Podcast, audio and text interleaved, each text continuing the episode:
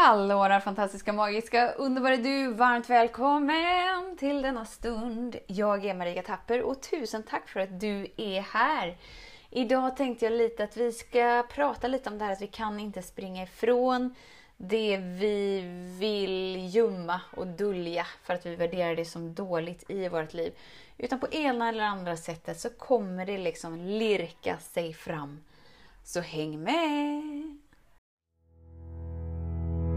Så den stora frågan är, hur lär vi oss att älska oss själva utan att vara egoistiska och självgoda? Det är frågan och denna podcast den kommer ge dig svaren på det och mycket mer. Mitt namn är Marika Tapper och varmt välkommen till Hemligheterna bakom att älska sig själv. Så idag så befinner jag mig då på ett eh, superdunder stort kalas. Där vi firar min man Lars, han fyllde 40 här för ett tag sedan. Min mamma fyller 60 år imorgon. Min svägerska fyller år, hennes dotter fyller år, min storebror fyller år, hans dotter fyller år. Och även min svägerskas mamma. Liksom vi bara samlar allihopa eftersom att alla fyller inom loppet av tre veckor. Och då eh, bara slog vi ihop det och gjorde det hur mysigt som helst helt enkelt. Det som hände här på kvällen var att vi satt och liksom småpratade, småskrattade och så ett, tu, tre så eh, blir det den där punkten där någon blir lite mer berörd. Och så börjar min storebror liksom beskriva hur, eh, hur han när han åkte skolbuss var den som skyddade. Det kom tydligen på en tjej med Downs syndrom och att de eh, andra i bussen var väldigt på henne hela tiden. Och att det väckte alltid sån ilska i honom. Att till slut så liksom så var han längst fram i bussen och bara bjöd in henne att sätta sig bredvid honom. Och att han liksom blev hennes beskyddare.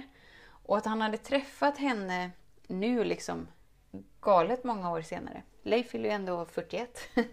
och att hon liksom tackar honom, kommer ihåg honom för den händelsen där han liksom stod upp för henne och var en trygghet för henne. Och då blev jag så här, jag tror kanske att jag alltid har blivit så illa berörd när, när folk ger sig på människor som är svaga av olika anledningar för hur vi hade det när vi bodde i Munkgärde. Och då började jag fråga honom så här, men vad hände när vi bodde i Munkgärde? För då kanske jag var... Ja, svårt att säga, jag kommer inte ihåg, men eh, kanske mellan eh, tre och fem. Jag kan säga fel. Vi kanske bodde där kortare till och med. Så vi kan säga mellan tre och fyra kanske. eh, och Leif bara så på mig som, va? Va? Vet du inte liksom? Vad konstigt att du inte vet. Okej, okay, men vad är det jag inte vet? Nej men jag blev ju mobbad i skolan. Jag blev ju slagen. Jag kom hem blodig i ansiktet. Jag blev mobbad för mina öron så att eh, vi opererade in dem så att de inte skulle stå ut så mycket och sen bara liksom brister det för honom så det tårar sig så vackert i ögonen. Men istället för att bara liksom finnas närvarande med känslan sådär som du och jag har pratat om så många gånger så blir det för mycket för honom. För att om ingen har lärt oss hur vi ska vara med känslor så vet vi inte helt enkelt. Så då går han ut ur rummet liksom. Och så blir det den där knasiga stämningen i rummet när man bara så här, hmm, ja, nu ska vi låtsas som ingenting fast någon bara är alldeles gråtig liksom och så dröjer det någon sekund så liksom reser sig min lillebror upp och bara så här, ja, för att det väcker ju någonting inom oss människor att se någon annan gråta. För det väcker ju alla sår inom oss där vi inte tillåtit oss att gråta. Och så går de iväg och så bondar de lite och sen så kan de komma tillbaka i rummet. Och det blir liksom så tydligt hur ovilliga vi är att bara känna det som vill kännas.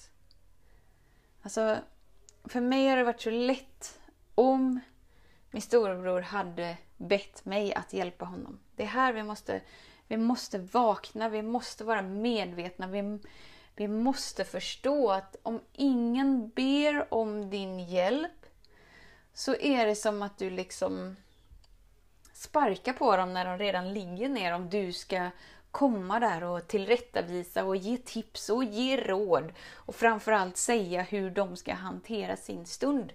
Som att det sättet de hanterar stunden på är dåligt. Du är vaken. Du är medveten.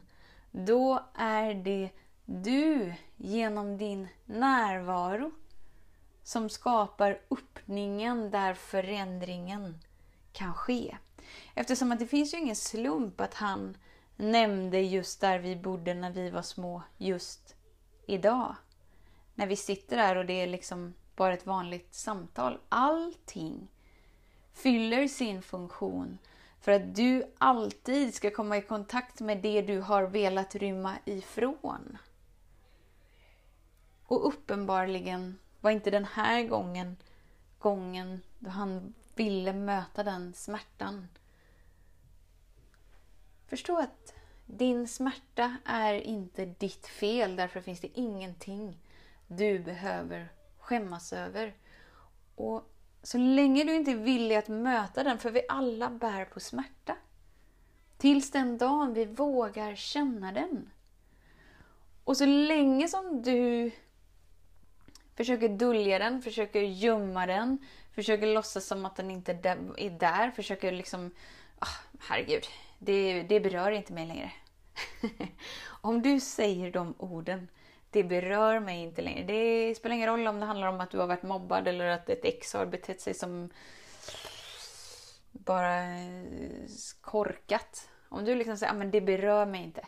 Jag har kommit över det. De orden i din mun visar på en smärta som du inte har tillåtit dig att känna. För om det verkligen var sant att du hade känt smärtan så hade du inte varit berörd så då då kommer det inte ens upp i din värld och då yttrar du inte de orden. För att de liksom finns inte där.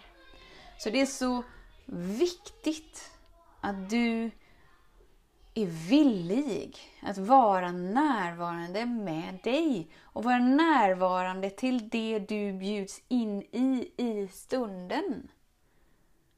Så min bror har ingen aning om liksom att han bjöds in till värsta stora frigörelsen. För att han har inte tränat sig själv till det. För att han är inte intresserad av det. Och det är det som är hela grejen att mig gör det ingenting. Jag är inte investerad i att världen ska frigöra sig från sin smärta. Jag är intresserad av att älska mig själv så att jag kan vara kapaciteten att älska alla andra precis som de är. Möta alla där de är. Vara utrymmet för alla där man får vara precis som man är. Där det inte finns något behov av att fixa, förändra, göra om. Alltså det är din finaste gåva du kan ge någon annan. Vi har liksom lärt oss att okej, okay, men jag älskar dig för att jag för att jag accepterar dig. Eller för att jag tycker om dig. Eller för att jag ser upp till dig. Eller för att jag ger dig tillåtelse att vara i mitt liv. Det är liksom att älska någon annan, men det är inte sant. Att älska någon annan är att vara utrymmet, vara närvaron och vara nära. Vara nära en annan person där de får vara precis som de är och finnas till hands. Om människan vill öppna upp sig eller sätta ord eller vad det nu än handlar om. Det är det vackraste du kan ge till någon annan. För då är du hemma hos dig och när du är hemma hos dig är du förankrad i kärleken och då är kärlek allt du sänder ut. Och sen hur någon annan uppfattar det eller inte har ingenting med dig att göra. Och det som sker då är att personen framför dig vågar slappna av. För den känner sig inte värderad i ditt sällskap. Och att inte känna sig värderad i någons sällskap är en vacker gåva. Så det finns ingenting du kan springa ifrån i ditt liv utan allt kommer på ena eller andra sättet komma upp Och när det kommer upp, tillåt dig att vara närvarande eftersom att det inte finns någon slump när någonting visar sig. Utan det visar sig när du är redo att uppleva mer av dig. Så tusen, tusen, tusen tack för din tid, för din vilja att vara här. Vet att jag ser dig, jag hör dig och jag älskar dig. Tills vi hörs igen, var snäll mot dig. Hej då! Om du gillade den här podcasten, klicka på att prenumerera för att inte missa något avsnitt och dela den gärna med fler. Glöm inte heller att följa mig på Instagram, Facebook, Youtube och lämna gärna en kommentar. Jag älskar att läsa vad som händer i just ditt liv, för kom ihåg, livet förändras när du lär dig att älska dig själv.